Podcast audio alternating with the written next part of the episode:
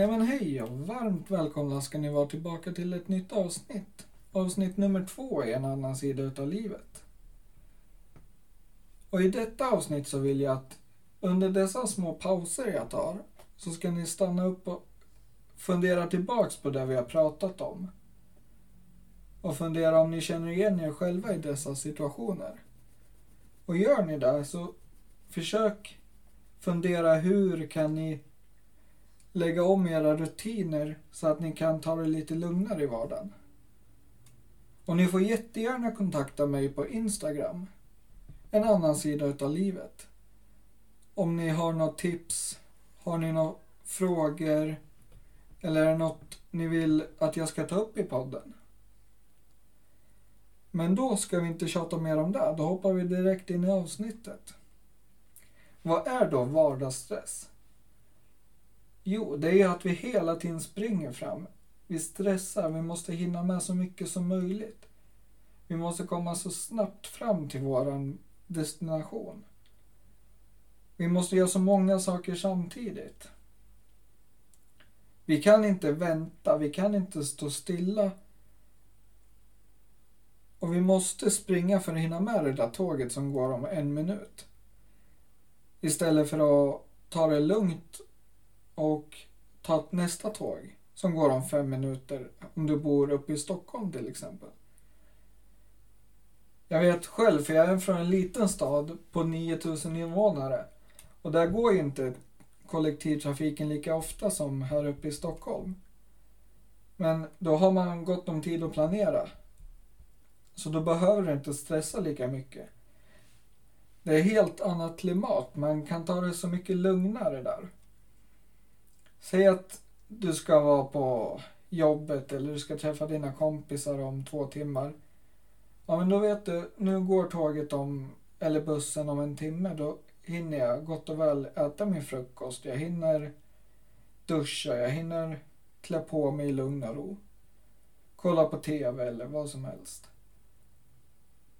Så har du där din timme på dig. Du behöver liksom inte ta bussen för att komma till tågstation till exempel. Men jag flyttade ju upp hit till, lite utanför Stockholm och har börjat åka väldigt mycket kollektivt här. Och här är en helt annan värld. Det är helt galet hur folk springer. Jag stod första gången, jag vet, jag skulle ta tåget till en arbetsintervju. Då stod jag där i rulltrappan. Så jag bara ursäkta, ursäkta. Då kom det tre, fyra personer springandes upp för rulltrappan. Man, bara, men va? Stanna, åk rulltrappan. Ta det lugnt, drick din kaffe. Du behöver ju inte springa. Okej, du missar ditt tåg om du tar det lite lugnt kanske. För bussen var sen så att det tog lite längre tid än vad det skulle. Men vad fan, kolla tåg, tågtabellen. Du kanske får vänta tio minuter extra. Och det har man faktiskt tid med. Gå och sätt dig och kolla, kolla på människor. Gör något annat under tiden. Du behöver inte... Tänk så här då. Du kanske snubblar och gör dig illa. Då kommer du inte komma fram alls. Du måste åka in till sjukhuset. Du kanske springer på någon. De tappar sin telefon. Du kommer få betala dyra pengar för att... Till exempel. Det finns så mycket annat ni kan göra. Men det är ganska lätt att säga för nu när jag har bott här i ett halvår ungefär så att då märker jag själv hur jag kommer på mig själv hur jag springer för att komma med det där tåget. det trodde jag aldrig jag skulle göra men man dras in i det för omgivningen, du blir en i mängden, du blir liksom, du blir så stressad själv.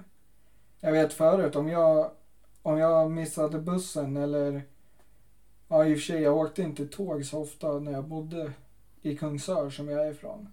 För det var inte värt det. Det tog sån himla tid och det var så mycket byten så jag använde alltid bilen där. Men här uppe i Stockholm tycker jag det är mycket lättare och smidigare. Slipper alla köer. Det är helt galet. När du sitter där, ska till jobbet, sitter i bilen, sen får du sitta i kö i en timme istället. Nej, då är det bättre att sitta och vänta på tåget någon minut extra. Nej, jag vet själv hur det var innan jag flyttade upp hit till Stockholm. Jag sa själv jag skulle aldrig flytta hit bland annat. Jag har en släkting som bor i Stockholm och har gjort väldigt länge så jag frågade henne, tycker inte du det är jobbigt att köra bil i Stockholm? Alla känns ju som galna. Alla är så stressade. Men hon sa, nej men det är något man vänjer sig med eh, med tiden. Så är det ju. Jag vande mig ju nu till exempel med all denna stress här uppe när jag flyttade hit. Men det är inte hälsosamt i längden. Jag var och pratade med en eh, psykolog, en samtalsterapeut på grund av mina stressrelaterade problem som ni kommer få höra mer av senare. Men hon fråg, hennes första fråga var egentligen Hur ser din vardag ut?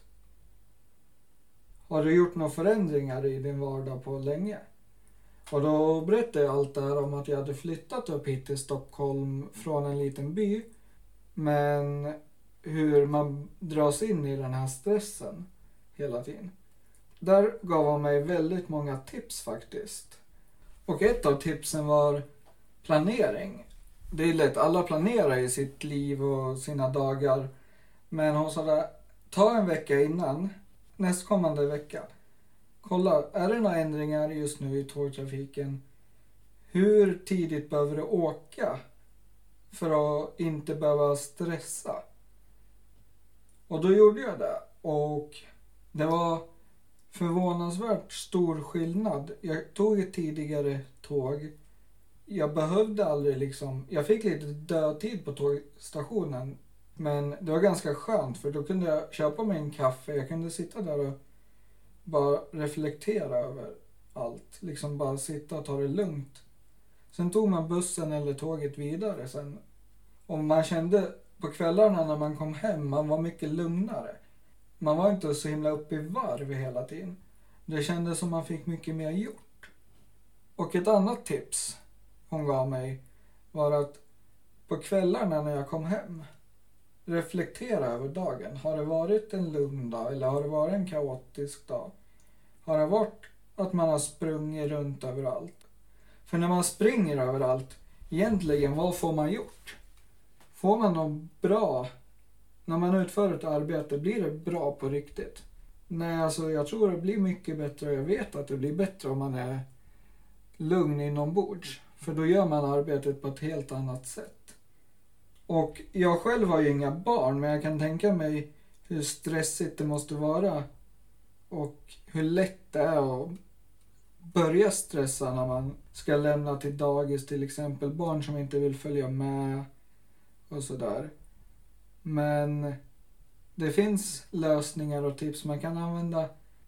Se till att få upp barnen lite tidigare till exempel. Se till att ni har god tid på er att äta frukosten. Och se till att ni har tid på er att ta er till dagis, skola, vad det nu än är, fritidsaktiviteter. Så att ni inte behöver stressa i trafiken eller springa överallt. Och alla de här olika situationerna hör ju ihop. Även om du ska åka på tåget till jobbet eller om du ska ner på stan eller lämna barn eller om du ska till läkare. Alla de här tipsen funkar för vilken sak du än ska göra. Nu har vi pratat lite om allmänna vardagsstressen i olika scenarion där. Ta någon minut och fundera på hur ni själva, om ni är den som springer eller om ni är den som tar det lugnt. Sådär, då har ni fått lite tid att fundera. Kommer ni fram över något? Kom ni fram till någonting hur ni är som personer? Är ni den här stressande personen eller är ni den lugna? Jag tror alla vill vara den här lugna personen som har gått med tid, mår mycket bättre inombords och inte hela tiden känner att pulsen är på max och hela tiden känner att de är nära på att krascha. Det vill inte jag i alla fall. Därför har jag ändrat min livsstil ganska rejält och börjat ta tag i min, min hälsa och stress och sådär. Och ett tips, alla ni som tränar till exempel. Det vet jag är en stor stress. Man känner, ja nu har jag jobbat, jag orkar inte träna, jag orkar inte gå till gymmet, men jag måste bara för att jag måste. Vad gör det om du hoppar över en dag och kan ta det lugnt istället? Det är inte så att du tappar dina träningsresultat på en, två dagar. Ta inte allting så allvarligt. Ta det lite mer chill. Ta det lite lugnt. Då kommer ni att må mycket bättre i längden, det kan jag garantera. Det gäller att hitta sin egna balans som funkar för en själv. För alla vi personer är ju olika. Ingen fungerar på samma sätt. Så att mina tips och råd är jättebra för mig. Och de är säkert jättebra för er också. Men ni kan ju välja de som ni tycker passar bäst. Och det här med träning. Det är jättebra för kroppen att hålla igång och kunna må bra, känna sig avslappnad. För när du tränar så släpper kroppen ut endorfiner. Och dessa endorfiner får dig att känna dig glad, piggare och mycket lugnare. Men det gäller ju där att hitta en balans. Att du inte liksom sätter upp för stora mål eller för stora krav. Att du, om du känner för att gå till gymmet och träna, men gör det. Eller om du inte vill träna på ett gym. Jag kan varmt rekommendera en promenad. Säg en halvtimme. Varje dag, varannan dag eller var tredje dag. Så mitt syfte med det här är egentligen att säga att vad som än passar dig, vad som än får dig att känna dig lugnare bra och räcker gott och väl. Det behöver inte vara värsta olympi eh, träningspasset. Då tänkte jag att ni ska ta en sekund eller två och fundera på det vi har pratat om. Ställ er själva frågan. Känner jag igen mig i det här? Är det här så jag beter mig i vardagen? Och som jag tog upp lite i mitt första avsnitt i den här podden, det här med sociala medier. Hur påverkar det oss? Det är en jättestor punkt inom den vardagliga stressen också. För att vi, man ser ofta folk springa runt med telefonen framme samtidigt som de springer på stan till exempel eller springer till tåget. Men vad får man ut av det?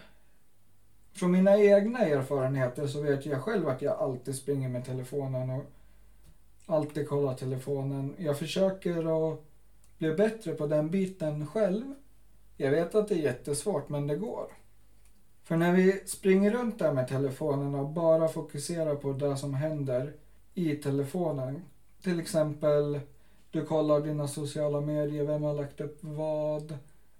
Vilka bilder? Hur många likes har du fått? Hur många kommentarer har du fått? Och när du bygger ihop den där stressen du får från, från alla dagens olika steg. Morgonrutinerna, resan till jobbet, under jobbet, på vägen hem. I samband med dina sociala medier och stressen du får därifrån. Det kommer att bli för mycket. Och det kommer få dig att bli påverkad på ett negativt sätt.